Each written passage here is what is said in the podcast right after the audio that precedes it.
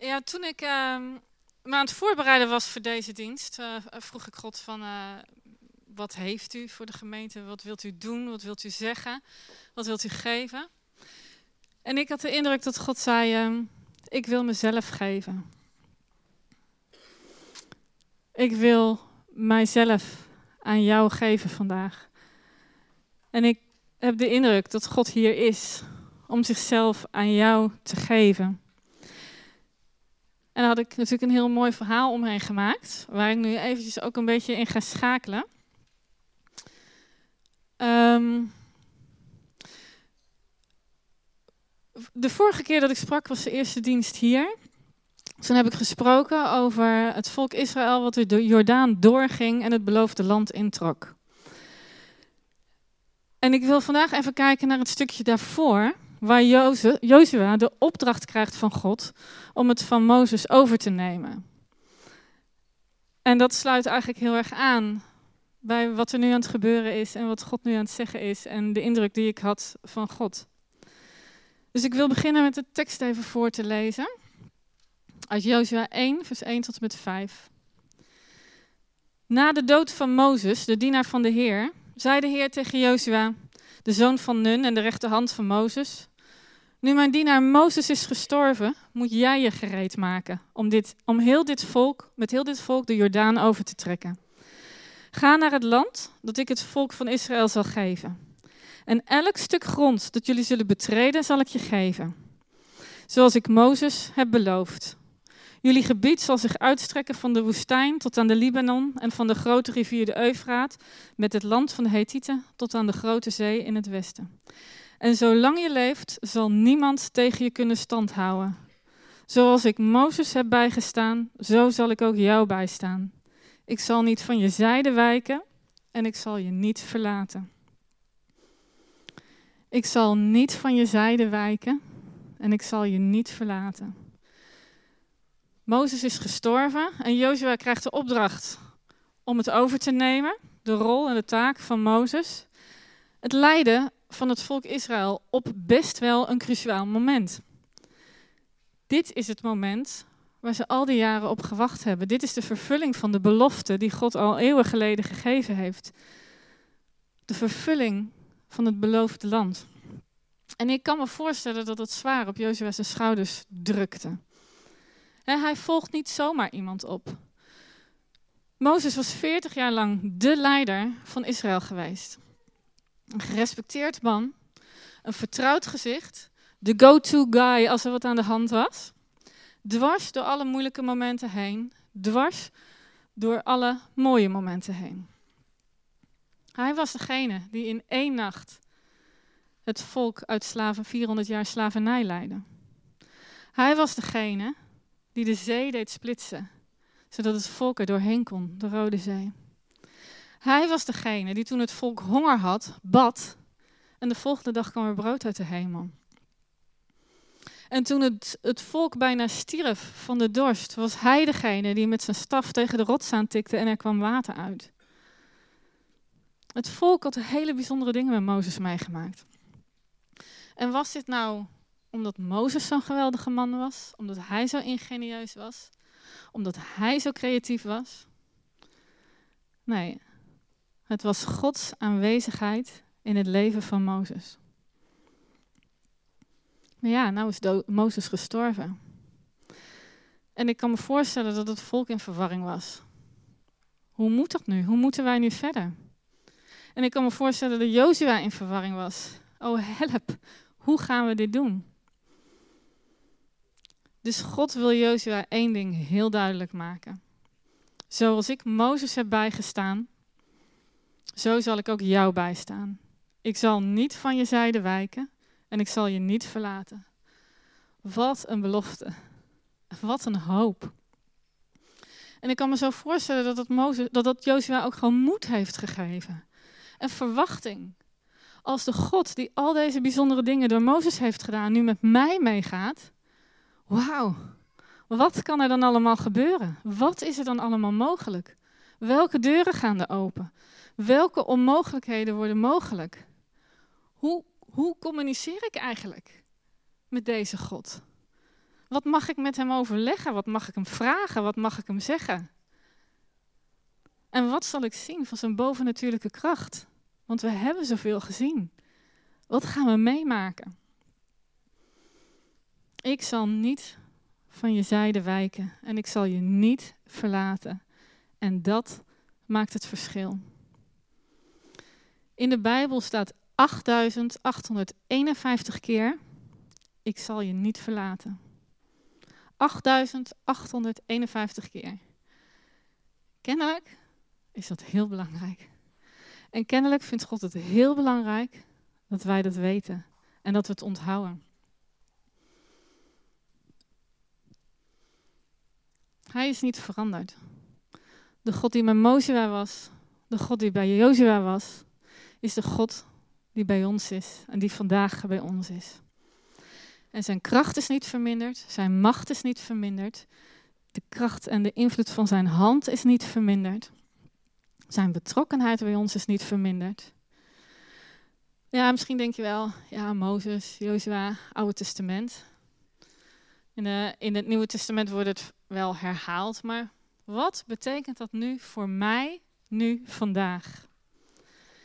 2 Korinthe 1, vers 10, er staat, in hem, in Jezus is dat, worden alle beloften van God ingelost.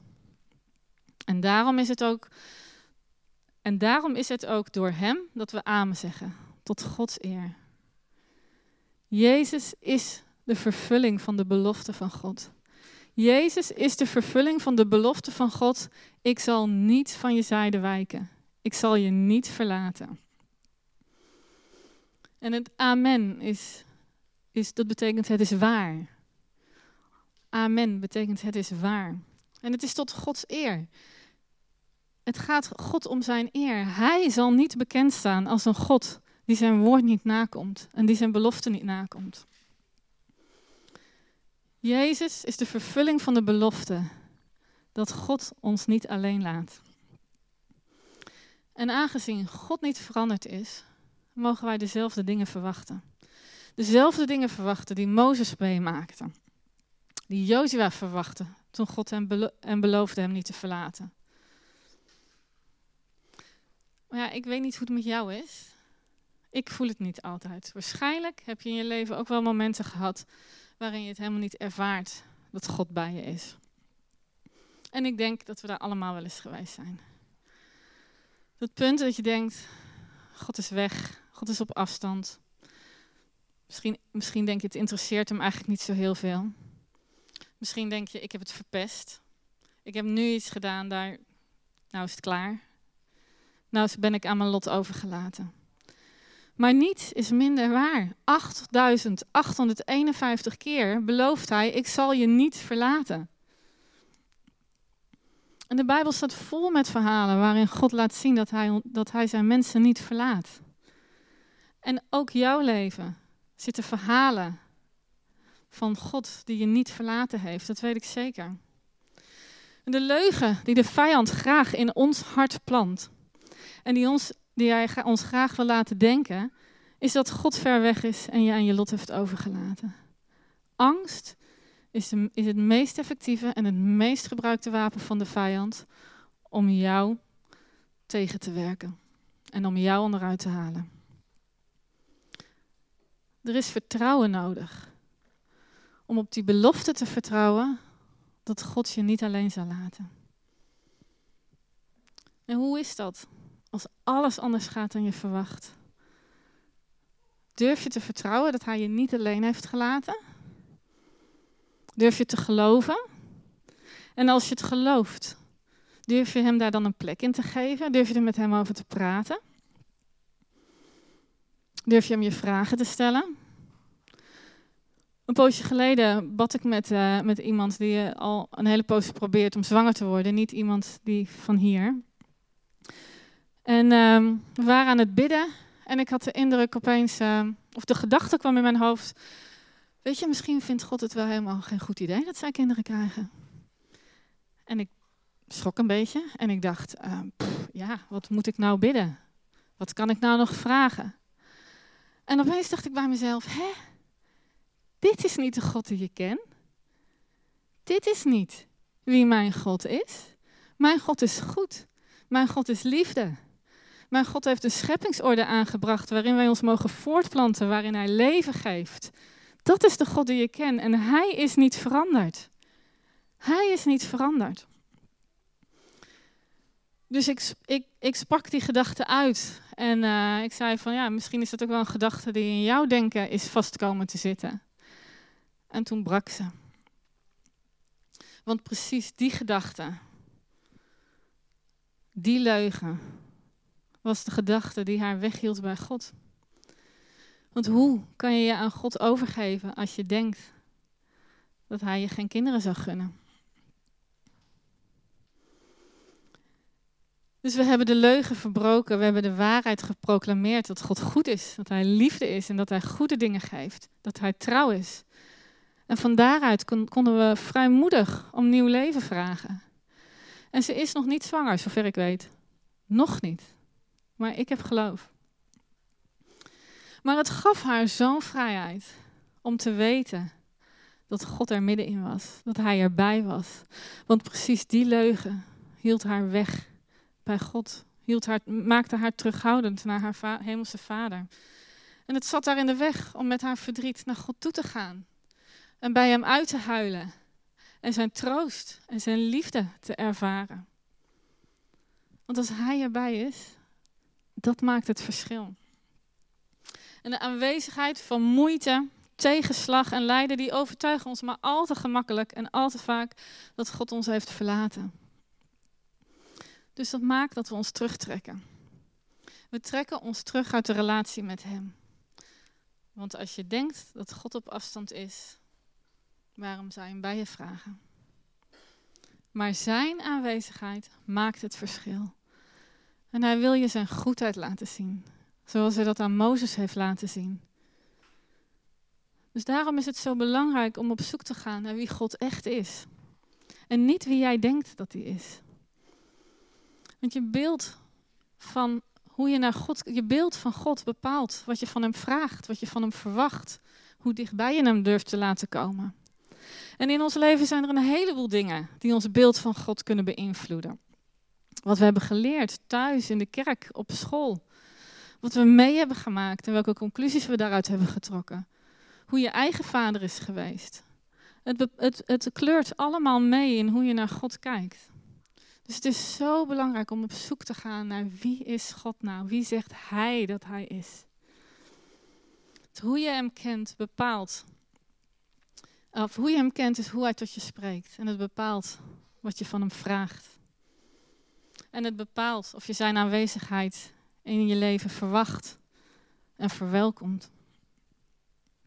De aanwezigheid van de Koning Jezus maakt het verschil.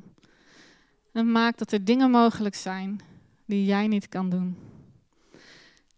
En dat is meer dan je denkt. Er is meer wat jij niet kan doen. En er is veel meer wat Hij wel kan doen. God is zoveel groter dan wij denken. En zoveel groter dan wij beseffen. Maar ook zoveel groter dan wij ons voor kunnen stellen. En de Bijbel staat vol met verhalen. Wat God bij zijn mensen is in tijden van oorlog, van hongersnood, van stormen, tijdens hoogtepunten van de levens, maar ook in de dieptepunten. God is bij ons en Hij heeft beloofd ons niet te verlaten. En in Jezus is die belofte vervuld. En de God die de wonderen deed voor het volk van Israël, die boven natuurlijk ingreep, die zijn volk geleid heeft door de woestijn naar het beloofde land, die steeds alles overzag, alles in zijn hand had. Ook al kwam het volk in opstand, ook al snapten ze er niks van, die God, die is bij ons. En dat maakt het verschil. En wij als kerk, wij hebben zijn aanwezigheid nodig. En jij en ik persoonlijk, wij hebben zijn aanwezigheid nodig. En deze wereld heeft zijn aanwezigheid nodig. En hij wil binnenkomen. Jezus, de vervulling van de belofte dat God ons niet zal verlaten, zegt: Ik sta aan de deur en ik klop. Hij vraagt jouw toestemming om binnen te komen. Hij ramt niet dwars door je deuren heen. Hij ramt niet dwars door je muren heen. Hij walst niet over je angst heen. Hij klopt. Hé, hey, mag ik binnenkomen? Ik zie dingen die jij niet ziet. En wat jou in zijn greep heeft, heeft mij niet in zijn greep. En wat jou vasthoudt, houdt mij niet vast. En wat jou uitput, put mij niet uit. Ik ben bij je. Ik leid je er doorheen. En elke stap loop ik met je mee. En dat wat de vijand inzet om jou kwaad te doen, om je onderuit te halen, dat keer ik om. Dat zal ik ten goede keren. En dat vraagt vertrouwen. Want het kan dus zijn dat hij de dingen anders ziet dan jij ze ziet. En dat hij een andere weg ziet. En misschien wel een andere uitkomst. Durf je hem te vertrouwen, ook als dat betekent dat het misschien wel anders gaat dan jij wil, of hoopt, of denkt dat het goed voor je is. Weet je, in Jesaja zegt God zelf, mijn plannen gaan boven jou, zijn niet jullie plannen. En mijn wegen zijn niet mijn wegen. Want zo hoog als de hemel is boven de aarde, zo ver gaan mijn wegen, jullie wegen te boven. En mijn plannen, jullie plannen. En dat is niet om ons te betuttelen. Zo van, je weet niks. Dit is om je hoop te geven.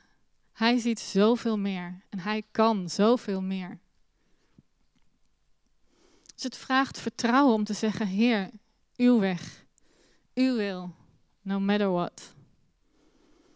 En daarvoor hebben we een ontmoeting met God zelf nodig. Zoals Mozes. Mozes vroeg of hij God mocht zien en God beantwoordde die vraag met een ja. Als wij vragen, als we zoeken, belooft God dat we zullen vinden. We hebben een gesprek en een geruststelling van God zelf nodig, zoals Jozua die kreeg. Weet je, alles is nu anders, maar ik ben bij je. En ik weet dat jij niet weet hoe het moet, maar ik loop met je mee. En weet je, alleen Hij zelf kan jou dit geven. We kunnen erover horen, we kunnen erover praten. Maar niets raakt ons zo diep als God die ons persoonlijk aanraakt. Die tot jezelf spreekt en die jou geruststelt. En dat is waarom Jezus aan de deur staat en klopt. Mag ik binnenkomen? Mag ik binnenkomen in je leven? Mag ik jou laten zien wie ik ben en wie mijn vader is? Zoals ik al zei, ik heb de indruk dat God hier vandaag is om zichzelf aan jou te geven. Om zichzelf aan jou te laten zien. Hij wil met je praten. Hij wil je geruststellen. Hij wil je zijn goedheid laten zien. En hij wil in jouw leven doen wat alleen hij kan doen. En misschien zijn er dingen in je leven waar je verlangt naar een ontmoeting met hem een situatie. Misschien heb je vragen waarin je een ontmoeting verlangt met Hem. Of misschien verlang je gewoon naar een ontmoeting met God zelf. Hij vraagt: Mag ik binnenkomen? Mag ik bij je binnenkomen? Wil jij mij binnenlaten? En het is een beetje een cirkel, hè? dat vertrouwen. Als je God goed, Gods goedheid leert kennen, is vertrouwen veel makkelijker. Maar om Gods goedheid te leren kennen, is vertrouwen nodig. Dus het is een beetje een cirkel. Dus waar breken we die cirkel? Waar stappen we uit die cirkel? Waar zetten we die stap in geloof? Waar springen we in het diepe?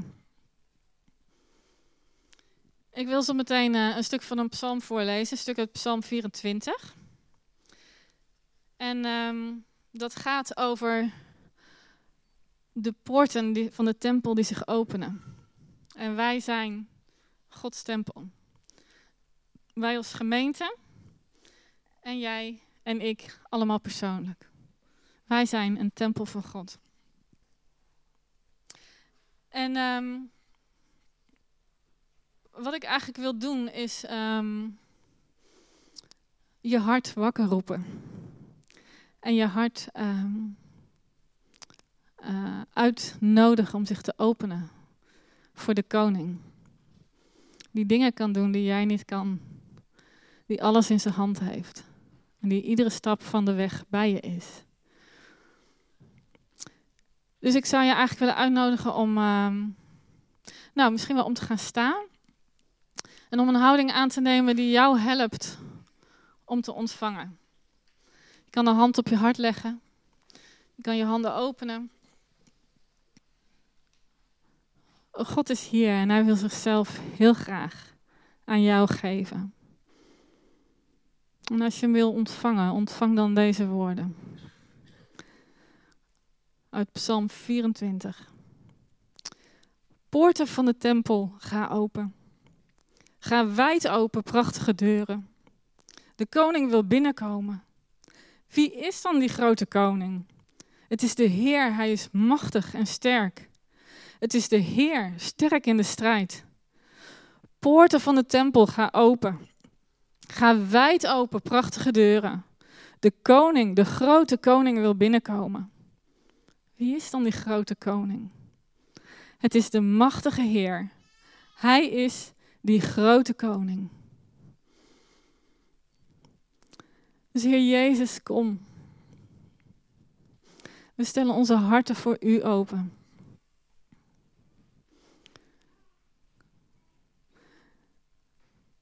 En kom met uw Heilige Geest en openbaar het hart van de Vader.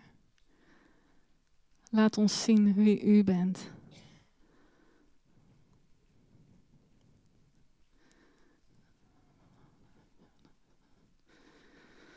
En we stellen het hart van onze gemeente voor U open. Wees welkom, Koning Jezus. Machtige Heer grote koning.